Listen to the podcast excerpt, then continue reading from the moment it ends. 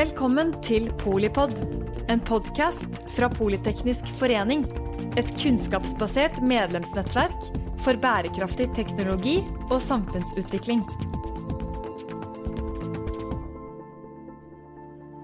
Den norske vannkraften er ryggraden i det norske kraftsystemet. Det har den vært i over 100 år. Men nå står vannkraften overfor et veiskille. Mange anlegg trenger modernisering og oppgradering. Samtidig foregår det en energirevolusjon i markedet. Ny fornybar energi fases inn, og fossil energi fases ut. Hvilke konsekvenser får dette for den norske og nordiske vannkraften? Hvordan kan vi sikre at samfunnsverdiene som denne rene og fornybare ressursen har bidratt med i over 100 år, ikke forringes? Kan forskning bidra når teknologien og anleggene er så gamle som de er? I denne podkastserien som er et samarbeid mellom Politeknisk forening og det europeiske forskningsprosjektet Hydroflex, og vi utforsker disse spørsmålene. Gjennom episodene skal vi snakke med ulike mennesker som alle jobber med vannkraft på den ene eller andre måten. Vi vil vite mer om hvordan få mest samfunnsverdi ut av vannkraften i Norge. I dagens episode skal vi diskutere kraftsystemet. Spesielt ønsker jeg å diskutere vannkraftens rolle, og hvordan vannkraftverk og magasiner skaper verdier. Vi skal også se på betydningen av andre fornybare kraftkilder. Hva er konsekvensen av at vinden ikke kan styres, og at solen forsvinner bak en ski? Hva er egentlig denne fleksibiliteten som mange snakker om? Hva betyr det for forsyningssikkerheten dersom vi ikke klarer å dekke fleksibilitetsbehovet i energisystemet? Mitt navn er Bjarne Børresen, og jeg jobber til daglig i Multiconsult, hvor jeg bl.a.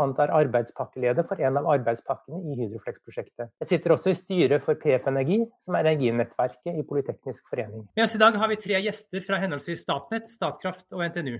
Før vi går inn i detaljene om kraftsystemet, vil jeg gjerne at dere kort kan presentere dere selv. Ja, hei. Jeg heter Marta Marie Øberg. Jeg leder en avdeling i Statnett som er ansvarlig for å utvikle markedsløsninger for kraftmarkedet. Eh, da med fokus på det som angår eh, kraftbørser, døgnmarkedet og interdagmarkedet. Og så har jeg også jobbet flere år med utvikling av løsninger for å balansere kraftsystemet. Ja, hei, Aslak Mæland. Eh, jeg er sivilingeniør og har jobbet en god stund med krafthandel og energidisponering i Statkraft. Som egentlig da betyr å planlegge for best mulig utnyttelse av de vannressursene vi har. Eh, og jobber da tett med bl.a. Statnett, hvor Marta Marie er. Hei, jeg heter Line Melie Schæffer og er doktorgradsstipendiat på NTNU ved Institutt for elkraftteknikk, hvor jeg forsker på planleggingsmodeller for vannkraft, og spesifikt hvordan vi håndterer miljørestriksjoner inn i disse planleggingsmodellene. Takk. Vi skal starte med å se på det samspillet som finner sted hele tiden for å sikre en eh, stabil kraftforsyning. Martha Marta Marie, kan du forklare hva det betyr at kraftsystemet må være i balanse, og, og hva de ulike aktørene må gjøre i denne sammenhengen? Ja, det er jo sånn at strøm det er en ekstremt fersk vare. Eh, det må faktisk eh, brukes like mye strøm som det produseres eh, til enhver tid. Og Det betyr at vi må passe på at vi hele tiden har like mye produksjon og forbruk eh, i systemet, samtidig som vi overholder de nettbegrensningene som måtte være. Eh, og Det er Statnett sin jobb eh, å koordinere mellom aktørene, og da bruker vi først og fremst kraftmarkedet der vi da sammen med aktørene legger en plan for kommende døgn på hva som skal eh, overføres av kraft, hva som skal produseres og brukes. Eh, og så følger vi også da videre opp med flere markeder og andre virkemidler for å sørge for at vi har balanse til enhver tid gjennom driftstimen. Og, og Aslak, hvilken rolle spiller Statkraft og for så vidt de andre kraftprodusentene for å ivareta da, denne balansen i systemet? Ja, Vår rolle blir jo da enkel, for som Marta Marie sier, så er jo hovedverktøyet for å sikre balanse, det er kraftmarkedet. Eh, og det er jo lett å tenke at kraftmarkedet kun handler om pris, men det er jo volum. Det er tilbud og etterspørsel. sånn at man kan nesten si at per definisjon, når spotmarkedet har klarert, så er jo eh, systemet, i hvert fall i teorien, i balanse.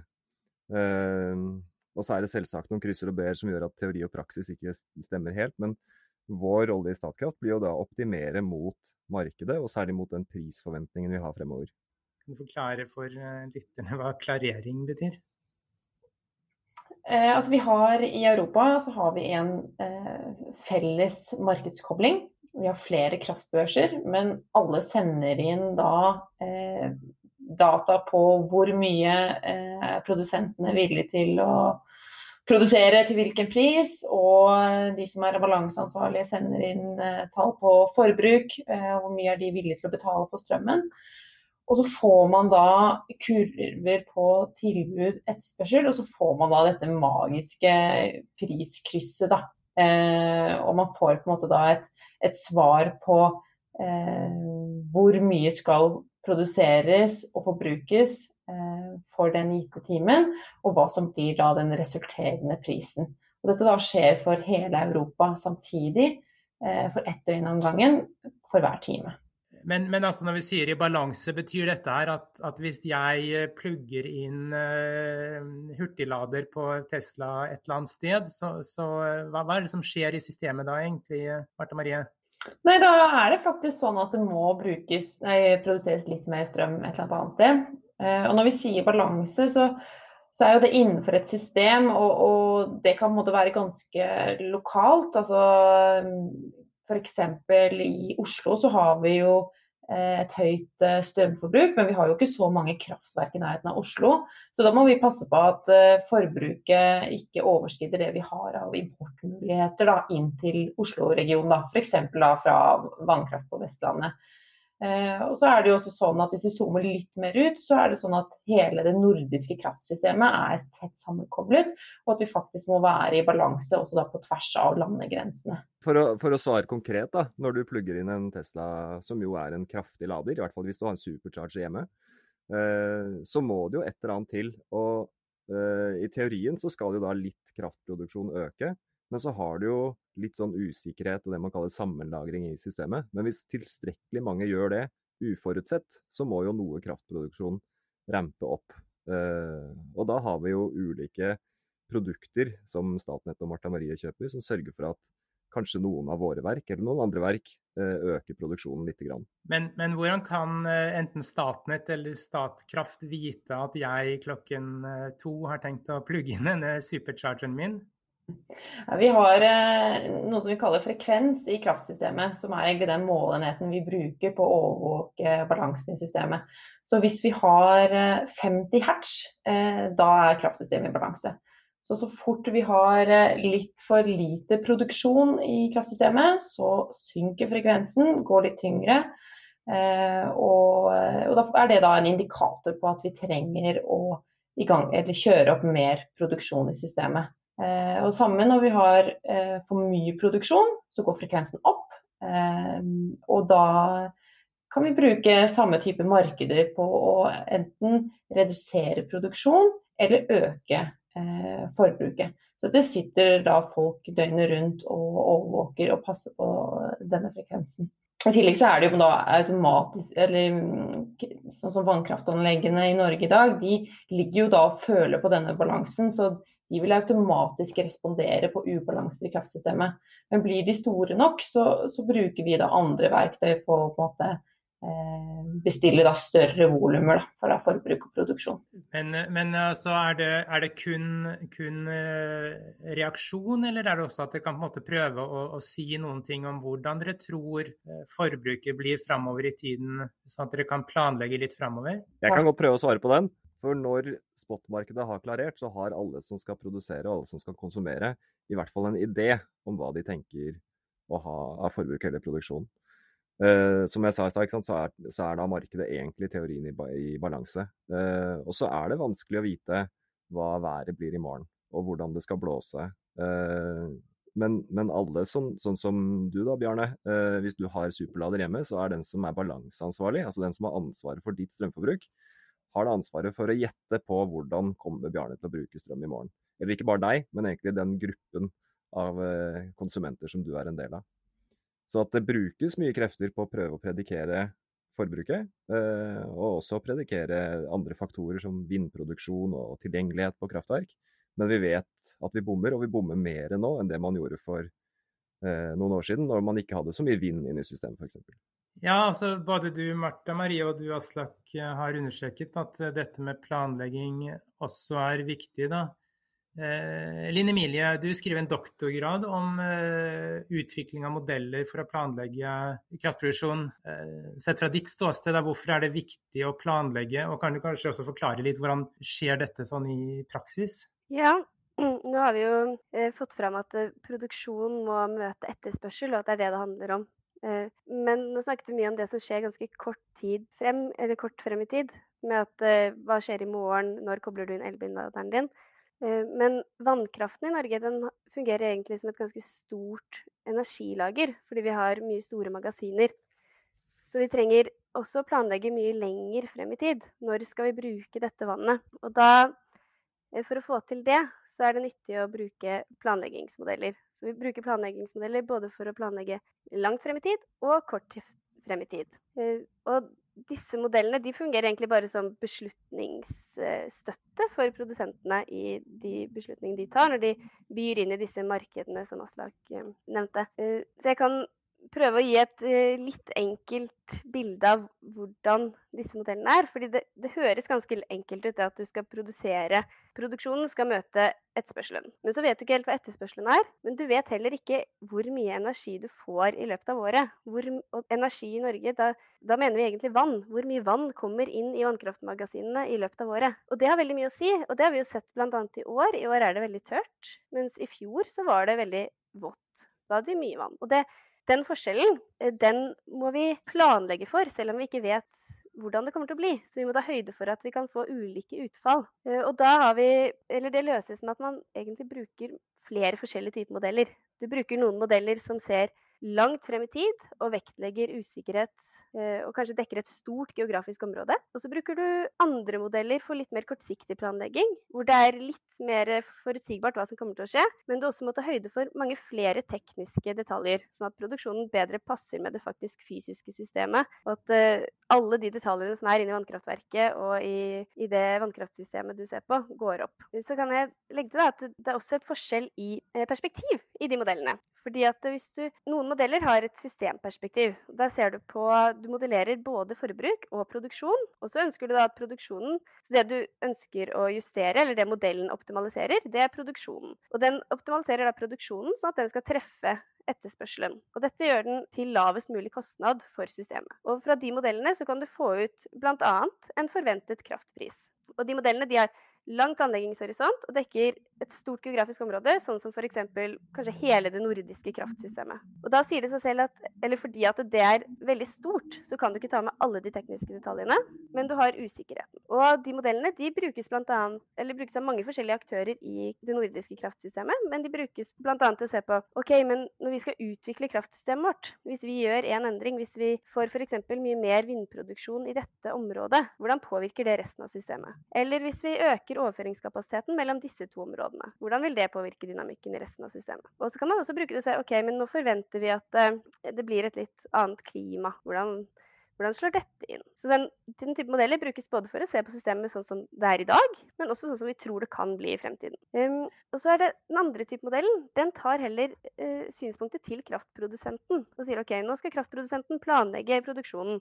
Ehm, og da velger vi å se på kraftprodusenten som én liten aktør inn i dette store systemet. Og vi ser på det da som et veldig begrenset Det kan f.eks. være ett vassdrag. Så er det et mye mer begrenset geografisk område. Og da sier jeg at denne enkeltaktøren er ikke nødvendigvis så stor at Eller vi kan si at denne, denne aktøren er så liten at den bare tar inn prisen som en forventning. Så den aktøren planlegger basert på en forventet kraftpris. Og Da ønsker du å optimalisere produksjonen din mot den kraftprisen. Og Da får vi det med at eh, kraftprodusentene ønsker å få best mulig pris for den, de, de, den energien de produserer. Altså best mulig pris for vannet. Og Så høres det kanskje litt sånn å, det er profittmaksimering. sånn, Det kan høres litt grådig ut, men det er veldig viktig å huske på da at den prisen det er egentlig bare et signal på når behovet for kraft er størst. Den kraftprisen er allerede satt i produsentens perspektiv. og da sier det at når det er høy pris, det er da vi trenger mest kraft. Så er det veldig viktig at vi har kraft tilgjengelig. Og når kraftprodusenten da ønsker høy pris, så er det det samme som at den ønsker å ha vann tilgjengelig når vi trenger det vannet mest. Og så kan du si Det har jo en høy kostnad å eh, sikre seg for mye òg. For hvis man skal bare holde igjen veldig masse vann i tilfelle det blir tørt, da, så kommer man til slutt i en situasjon hvor man ikke greier å bruke alt det vannet. At det begynner å enten renne over i magasinene, eller også det at du har Når du holder igjen vann, sier du jo en høyere kraftpris der og da. Sånn at hvis du holder igjen masse, så stiger jo prisen. Eh, så kan du si ja, men det er fordi vi skal ha, være helt sikre på at vi har nok vann til vinteren. Eh, og hvis du da har holdt igjen for mye, så blir det også en ineffektiv måte å bruke vann på. Mm. Så det er på en måte ikke Det er ikke sånn at jo mer forsiktig vi er, jo bedre er det. Det blir faktisk dyrere totalt sett da, hvis vi er for forsiktige. Mm. Nei, det, er jo, eh, det er jo noe fint hvis man leser energiloven. Da nå husker jeg ikke hvordan den er ordlytt, men, men, formålet er jo best mulig ressursutnyttelse. Eh, hvor man både skal ta liksom allmenne hensyn og private hensyn og, og ja, samla sett best mulig utnyttelse. Og da er jo verktøyet for det markedet. Eh, så man har jo landa på at det er den mest effektive måten å oppnå best mulig samfunnsøkonomi i dette her på. Og jeg vil jo si at kraftmarkedet er et eh, sted hvor, hvor markedskreftene fungerer veldig bra eh, og bidrar på en veldig god måte bare for å skjønne litt eh, Hvis jeg har forstått det riktig, da, så er det jo ofte sånn Eller er det sånn da, at man på en måte Dere prøver å se på ulike altså 10.1 så, så er det typisk eh, kanskje eh, Hvis man hadde 100 år, så ville så og så mange av disse årene være 10, minus 10 grader, og andre ganger vil det være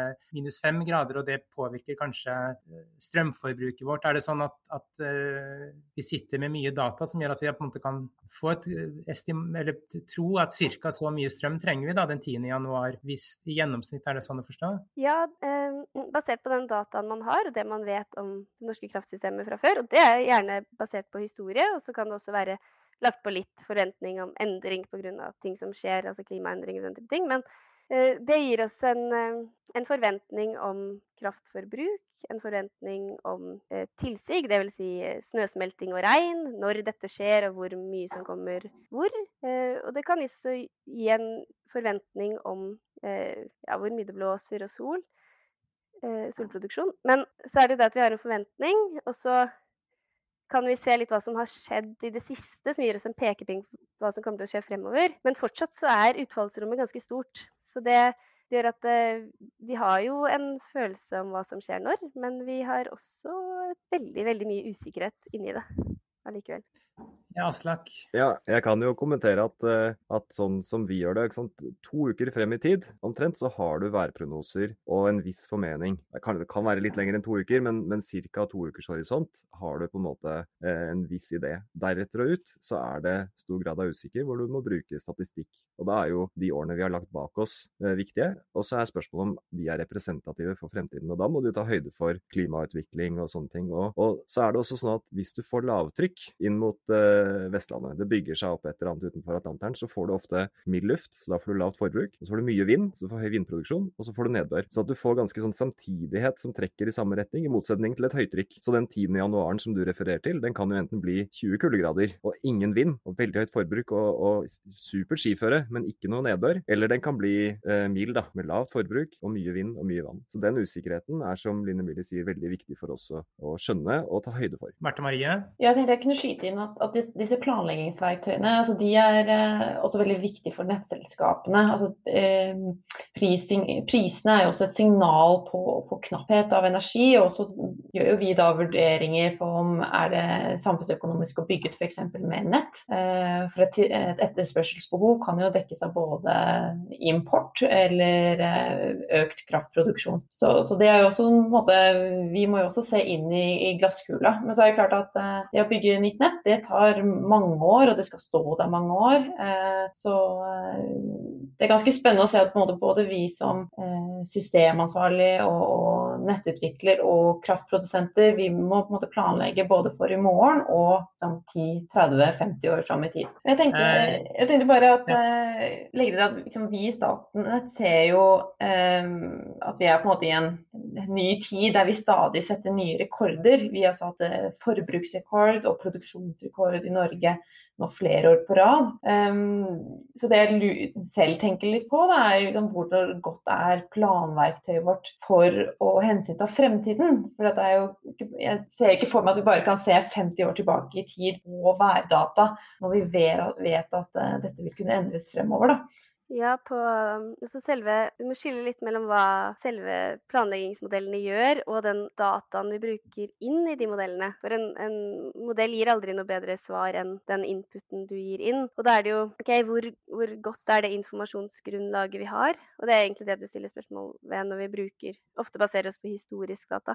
Hvor, hvor godt bilde gir det av fremtiden? Um, og det er et, et, vanskelig spørsmål. Det har vært flere forskningsprosjekter som har sett på det med å, å prøve å, å, lage statistiske modeller for tilsig fremover i tid, eller bruke andre måter å representere tilsig på. Uh, og helt sikkert for forbruk også. Jeg kjenner ikke så godt til alt det som skjer på forbrukssiden. Um, men uh, det korte svaret er at det er ikke så lett å finne noe som er bedre. Uh, den historiske dataen har et veldig godt bilde av den usikkerheten som fins eh, i den dataen. Eh, men så vet vi også at vi har noen trender, da, i hvert fall, som vi bør hensynta. Og da ligger det jo noen mekanismer i modellene for å prøve å ta høyde for dette. Og så er det nok litt forskjellig hva de ulike produsentene og de ulike aktørene gjør med dataen de har, før de gir det inn til modellen også. Det vet kanskje Aslak mer om? Ja da. Nei, vi håndspålegger disse dataene. Vi bruker ikke bare historikken. Så vi, for oss er det superviktig å gjøre oss opp en mening om hvordan været blir framover. Eh, og både for, liksom,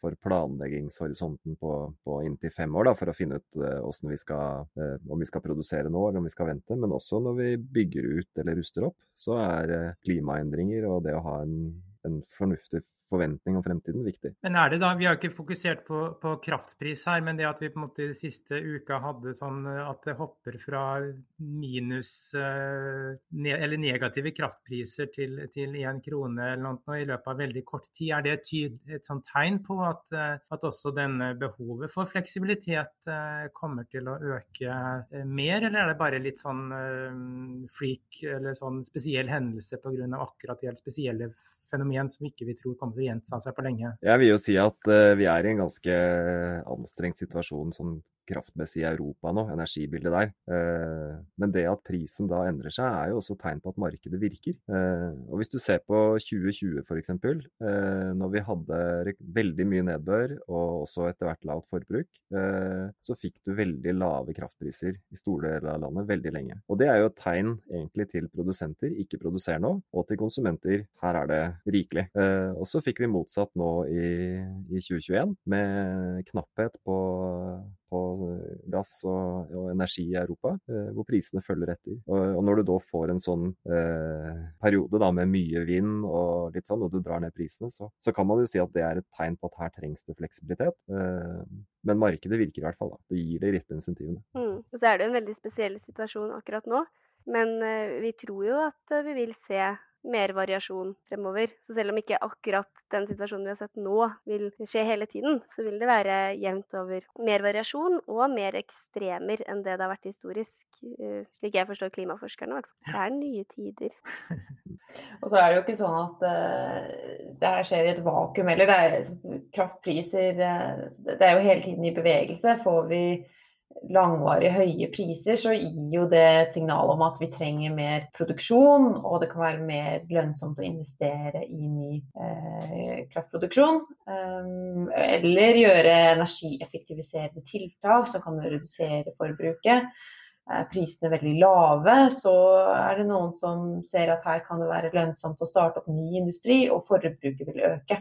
Så, så du vil hele tiden jobbe deg mot en, en likevekt da, i kraftsystemet. Mm. Og så er det jo dere er jo inne på det, at det, vi er jo i en situasjon med endringer, og kanskje spesielt eh, i andre deler av Europa, så gjøres det kjempestore endringer i energisystemet. Og det er jo endringer som, eh, som, vi har stemt fram demokratisk, og som vi ønsker, og som forskerne har pekt på at er nødvendig for å håndtere eh, den situasjonen vi er i, hele, altså hele kloden er i. Og da er det veldig mye termisk kraft som skal ut, og så er det masse variabel fornybar som skal inn. Og nå ser vi en anstrengt kraftsituasjon situasjon i Tyskland, men, eller i Europa, mener jeg. Og så vil jo det eh, forhåpentligvis eh, bli bedre over tid, da. Altså, det, er, eh, det, investeres i mye ny kraft, og det gjøres hele tiden endringer. Både i infrastrukturen, men også i markedene og det regulatoriske rundt, som skal komme til denne likevekten som Martha Marie snakker om, da, at vi kommer til en stabil godt fungerende situasjon hvor kraftprisene er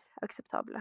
Line Melie var inne på at disse store mm, vannkraftmagasinene det er jo nesten som et, digert batteri. og Det er jo lettere å skjønne at man på en måte kan planlegge hvor man skal, disponere, hvor man skal bruke vannet da, i et stort eh, magasin. Men, men, du var jo inne på det så vidt, Aslak. Men dere, Statkraft har jo eh, også bygd en del vindkraftverk. Eh, mm. og, og, dere har jo ulike typer vannkraftverk også. så det, Kan du si litt om forskjellen å planlegge for disse ulike typene eh, kraftproduksjon? Absolutt. Vi kan jo begynne med vind, da, for vind er jo den enkleste. Eh, det blåser når det blåser, eh, og hvis du da får en positiv pris, vel å merke, på kraft, kraften fra vind, så vil du produsere. Så der kreves det lite planlegging for produksjonssiden, og kanskje mer for når, når skal du ha vedlikehold og sånne ting er litt mer komplekst. Og så hvis du da, hvis vi hopper til neste, som er, kan være termiske verk, hvis du f.eks. har et gasskraftverk, eh, som, som jo man finner mye av på kontinentet, eller kull eller bio, hvis det er sånn at du vet kostnaden din for å kjøpe drivstoffet ditt, altså kull eller gass, eh, og du vet virkningsgraden på kraftverket ditt, og du vet kostnaden for å slippe ut CO2, så kan du regne ut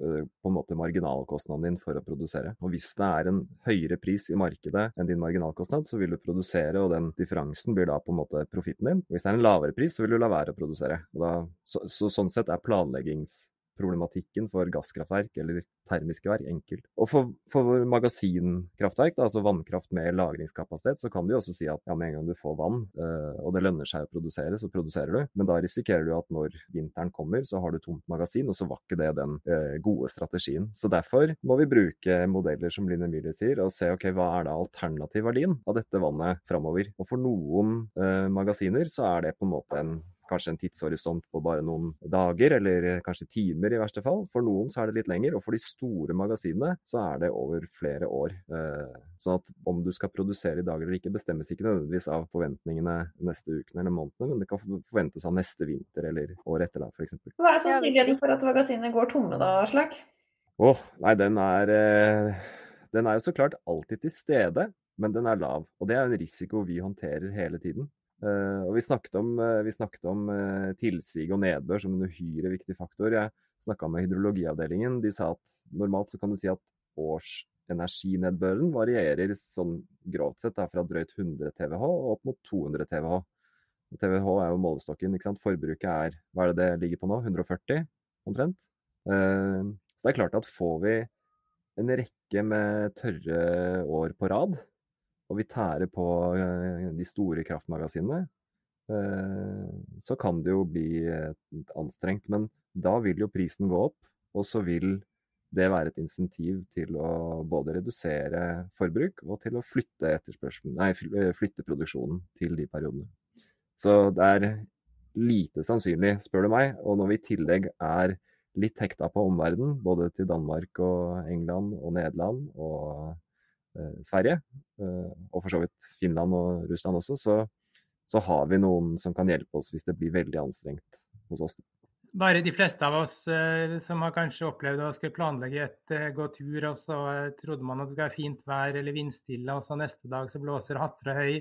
Hvor godt stemmer disse vindvarslene, eller for så vidt andre varsler, også når dere baserer dere på meteorologiske varsler? Nei, de bommer jo alltid. Det er jo sånn det ligger i naturen, men de har blitt bedre. Eh, men det er klart at for Martha Marie og Statnett, som skal planlegge systemdriften for neste døgn, hvis du har en 36 timer gammel prognose, eller en plan basert på det, så er det ofte store, store avvik. Eh, og bare det om et eh, værsystem kommer inn og treffer Vestlandet eller Trøndelag, og om det kommer inn noen timer før eller timer senere, får plutselig mye å si for hele systemdriften. Ja, altså vi får jo mer, iallfall jeg har fått en del vind, jeg vet ikke hvor de det blir uklart hvor mye mer vind vi får inn det norske systemet. Men svenskene bygger vel fortsatt ganske mye vind. Men det også bygges ut en, en del, iallfall sol på, på store bygg. og enkeltpersoner som har det. Hvordan påvirker det jobben deres, Marta Marie? Eh, ja, altså sol vil jeg vel tro egentlig er ganske forutsigbart. For man vet jo når, eh, hvilken, eh, når sola står opp. Men det er klart, eh, vind er jo mer uforutsigbart. Og det vi prøver er jo å få Eh, et marked som i større grad hensyntar fysikken, eh, som Aslak var inne på. Eh, og det vi ser nå er jo at, at ting endrer seg fortere. Eh, været kan snu. Eh, prisene kan endre seg raskere, sånn at vi får eh, import og eksport. og da må vi ha markeder, markeder med såkalt finere tidsoppløsning. I dag, så, et døgn i forveien, da, så klareres markedet med en plan for hver enkelt time. Og så er det jo sånn at eh, forbruket det eh, kan jo stige jevnt gjennom den timen, og det kan være endringer i, i vinproduksjon, vindproduksjon, det kan oppstå feil innenfor den timen. Så planen er jo å kutte dette ned til et kvarter eh, for å gi aktørene eh, større mulighet til å planlegge seg selv i balanse. Eh, men selv om vi får det på plass, så eh, har vi behov for mer automatiserte og digitaliserte verktøy for å kunne balansere kraftsystemet. Når ting skjer veldig hurtig, så kan ikke vi lenger eh, manuelt ta opp telefonen og ringe til eh, f.eks. Statkraft og Aslak og si hei, vi trenger litt mer så eh, det er ganske stor endring nå i, i, måten vi balanserer eh, kraftsystemet på. Både tekniske verktøy og også på markedssiden. Da, for å hensynta nye, denne nye produksjonsmiksen. Og så er det jo også sånn at uh, disse nye Det er jo ikke nye, da, men, men, teknologier som vindkraft og solkraft de har noen andre egenskaper uh, som gjør også at stabiliteten i kraftsystemet kan bli mer utfordret. Og det gjør også at vi må uh, se nærmere på hvilke andre typer tjenester og hvilken funksjonalitet skal vi stille krav om da, for de som deltar i, i kraftsystemet. Line Milje, disse endringene som Marta Maria har fortalt om, eh, har det påvirkning for dere som jobber med å utvikle disse her eh, modellene? Bare for å skyte inn, altså Modeller her er vel egentlig store dataprogrammer som, eller simuleringer som du kjører, er det ikke det? Ja, eller det er optimeringsmodeller. da, Så de mm. løser eh, et matematisk problem for å finne hva som er det, det beste tidspunktet å produsere på, hvor mye som skal produseres. Um, så det stemmer. Og um, ja, dette med at eh, kortsiktig usikkerhet blir mer viktig også i det norske og nordiske kraftsystemet, det påvirker de planleggingsmodellene. Så det jobbes en del nå med bedre representasjon av kortsiktig usikkerhet. Eh, og også eh, Det endrer jo behovet for fleksibilitet i systemet og en annen type fleksibilitet, eller mer av mer kortsiktig fleksibilitet kanskje enn det vi har hatt behov for før. Så da er det også viktig at vi har en eh, god modellering av det som begrenser den type fleksibilitet. Eh, så, så, det endrer litt hva Fordi modellering er alltid en prioritering av hva du skal eh, representere nøyaktig, og hva du skal forenkle. Hvis, ikke, hvis du skal ha med alt, så blir problemet for tungt å løse. Så det går rett og slett ikke. Så selv om vi kan ha med mye mer i dag enn vi kunne for 50 år siden, på pga. bedre regnekraft, så må vi fortsatt prioritere. Og da må vi kanskje si at ok, men nå må vi ha bedre modellering av de kortsiktige aspektene. Fordi at jo mer vindkraft og solkraft og kortsiktige svingninger som eh, får betydning for driften av det norske systemet, jo bedre må dette også eh, representeres i modellene. Line Melly har jo et godt poeng her, dette med liksom hvor, hvor, hvor, dypt skal du grave, hvor mye detaljer skal du ha. Eh, og det vi ofte, liksom, En utfordring som legges på i tillegg til mer ureglerbar kraftproduksjon, da, det er jo at du kan ha eh, feil som oppstår både eh, hos kunder eller produsenter, men også i nett. Da, eller at man har planlagte vedlikehold. Så, så det legger også begrensninger og også gir et behov for fleksibilitet. Da. Så eh, F.eks. så kan det hende at eh, en eh, vannkraftprodusent har et stort ønske om å, om å kjøre, men eh, det er ikke tilgjengelig nettkapasitet akkurat den dagen fordi det har skjedd et eller annet på linja. Vi har noen eh, folk som skal opp i masta, og da kan vi ikke ha spenning på den linja. Um, og da eh, kan man på en måte bruke markedsverktøy for å på en måte betale aktører for å spare på det vannet, da, selv om egentlig det eh, ordinære markedet ville tilsi at det vannkraftverket ville kjøre. Da. Så Det er altså en, en, annen fleksibilitet som er helt avgjørende for at eh, vi ikke skal ha lokale strømbrudd eller eh, overbelastninger, men er på en måte også viktig da, i, i hverdagen. Er, det er jo flere av dere nå som har brukt dette begrepet mm, fleksibilitet. Jeg vet ikke om det er noen som vil prøve seg på å prøve å, å forklare litt mer hva det vi mener med fleksibilitet i, i, kraftsystemet? Eh, jeg kan jo si hva jeg tenker først, og så kan de andre legge til. Fordi eh, det brukes ofte ganske bredt, eh, i hvert fall i når, det, når, vi diskuterer kraftsystemet og snakker om kraftsystemet, så er fleksibilitet et ord som brukes om veldig, veldig mye. Og en, en måte å dele opp på, er å se på kortsiktig og langsiktig fleksibilitet. Men fleksibilitet er jo en eh, evne til å justere etter behov, enten om det er på kort sikt eller lang sikt. Og ofte, i hvert fall fra mitt perspektiv, så er det ofte eh, snakk om å kunne justere produksjonen eh, eller levere en eller annen tjeneste på enten kort sikt eller lang sikt etter svingninger som kan være forventet og uventet. Da. Mm, jeg er veldig enig i din definisjon. Den høres veldig riktig ut. Og det er samme for oss. Fleksibilitet for vannkraft er, er å kunne flytte kraftproduksjonen til perioder hvor den har mer nytte, eh, og hvor vi da ser høyere pris, som er den måten det manifesterer seg på. Eh, og noen verk har, ikke sant, du kan ha miljørestriksjoner, minstevannsføringer, du har kanskje begrenset magasinkapasitet som gjør at du tidvis må kjøre. Eh, da vil jo vi si at vi er lite fleksible, men selv der har vi ofte mer fleksibilitet enn vindkraft f.eks. Og så har du noen verk som er sånn at hvis du, hvis du f.eks. tømmer magasinet, så tar det tre til fire år å fylle det opp igjen, selv om du ikke produserer. og Der har vi jo da ganske stor fleksibilitet. Ja, så Det er kanskje riktig da å si at, at, nettopp ved at vi har mange store mm, magasinkraftverk i Norge, så, så sitter vi på en, en veldig en god eh, fleksibilitetsressurs, da kanskje. Er dere enig i det? I høyeste grad. Helt enig.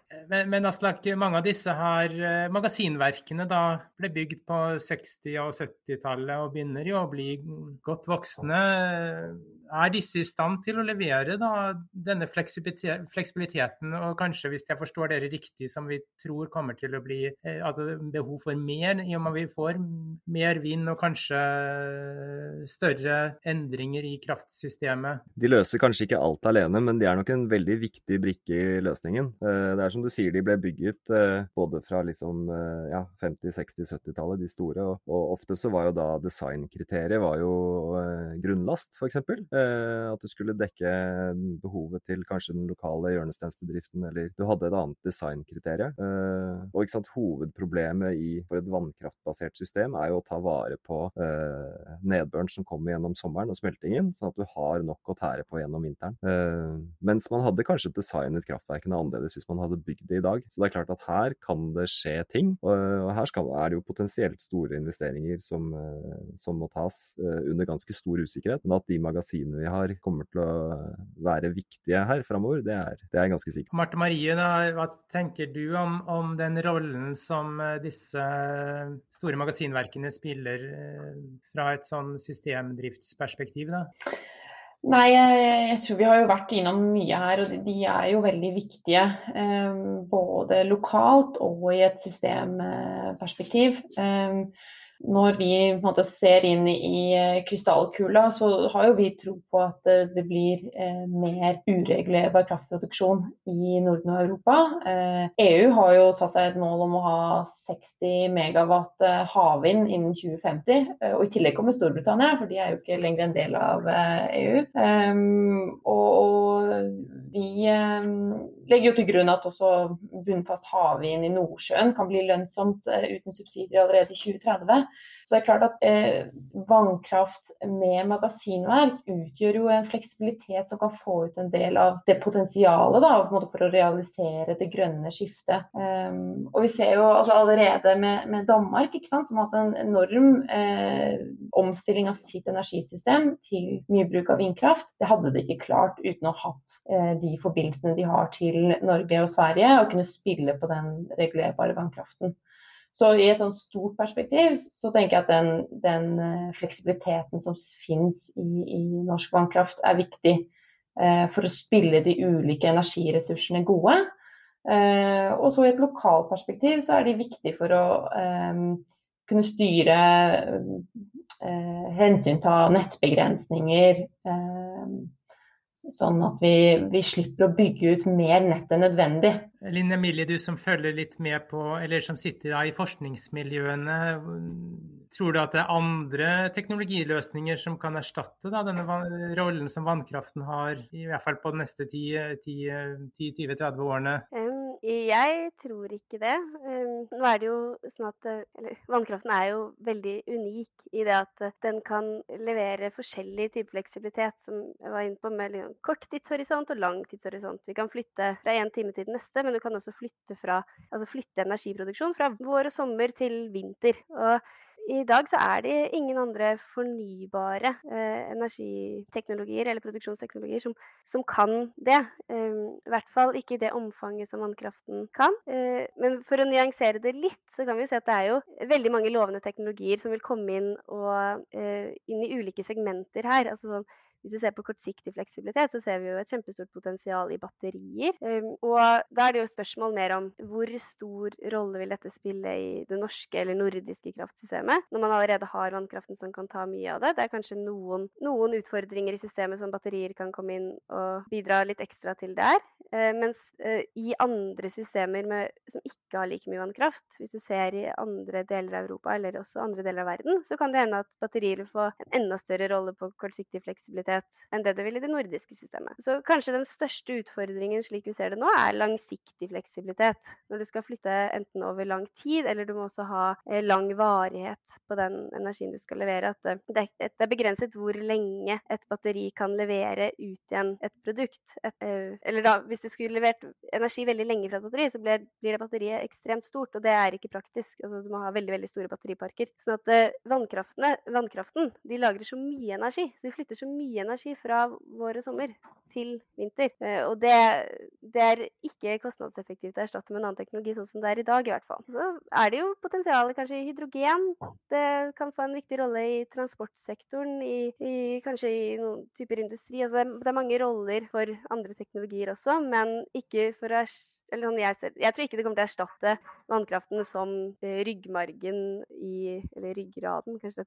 Ryggraden i det norske kraftsystemet og det nordiske kraftsystemet. Tusen takk, Emilie. Unnskyld, eh, Marta Marie. Skal... Nei, jeg tenker bare også at vi, vi, må bruke på en måte de ulike teknologiene der de er gode. ikke sant? Vannkraften har noen spesialiteter. og så eh, har du jo, ikke sant, sånn som Forbruk kan jo kobles ut på millisekunder. Eh, så det, så det, er på en måte mye ulike typer fleksibilitetsressurser. Så vi må på en måte prøve å få et godt samspill. Eh, og vannkraften har vel også noen, kanskje noen slitasjer og altså sånne type utfordringer hvis man skulle kjøre opp og ned hele tiden. Så jeg, måte, ja, tror også på en måte vi må, må ja, verken snakke ned andre ting, men det er på en måte at det er mange gode alternativer da, som vi må utnytte på best mulig måte. Jeg tenker vi er ekstremt privilegert i, i Norge og Norden som har den vannkraften i bånn, kan vi bruke også andre teknologier der de kan spille en rolle. Jeg er helt enig med Marta Marie der. Det, det er kanskje det samspillet som er viktig å få til. Da. Og da å ha en fleksibel aktør som kan samspille så godt, det er, gjør det mye enklere for oss, da, i hvert fall. Tusen takk,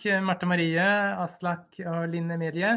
Eh, jeg sitter iallfall igjen med et inntrykk av at eh, vannkraften er svært viktig for eh, kraftforsyninga i Norge, og at nettopp disse magasinverkene kan ha en sentral rolle i å balansere og regulere kraftsystemet. Og jeg iallfall tror også at vannkraften i lang tid framover kommer til å være den viktige kraftkilde i Norge. Og Da er det kanskje viktig å huske på at eh, det kommer eh, for det meste fra kraftverk som allerede er bygd, og at vi derfor må passe på at vi vedlikeholder og utvikler disse på en eh, måte som bidrar til god forsyningssikkerhet. Denne podkastserien om vannkraft er et samarbeid mellom PF Energi, Energinettverket Politeknisk forening og forskningsprosjektet Hydroflex, finansiert via EUs Horisont 2020-program. Prosjektet har også mottatt tilleggsfinansiering fra Norges forskningsråd. Takk for at du lyttet til Polipod fra Politeknisk forening. Få med deg flere episoder, eller bli med på nettverksmøtene som du finner på at polyteknisk.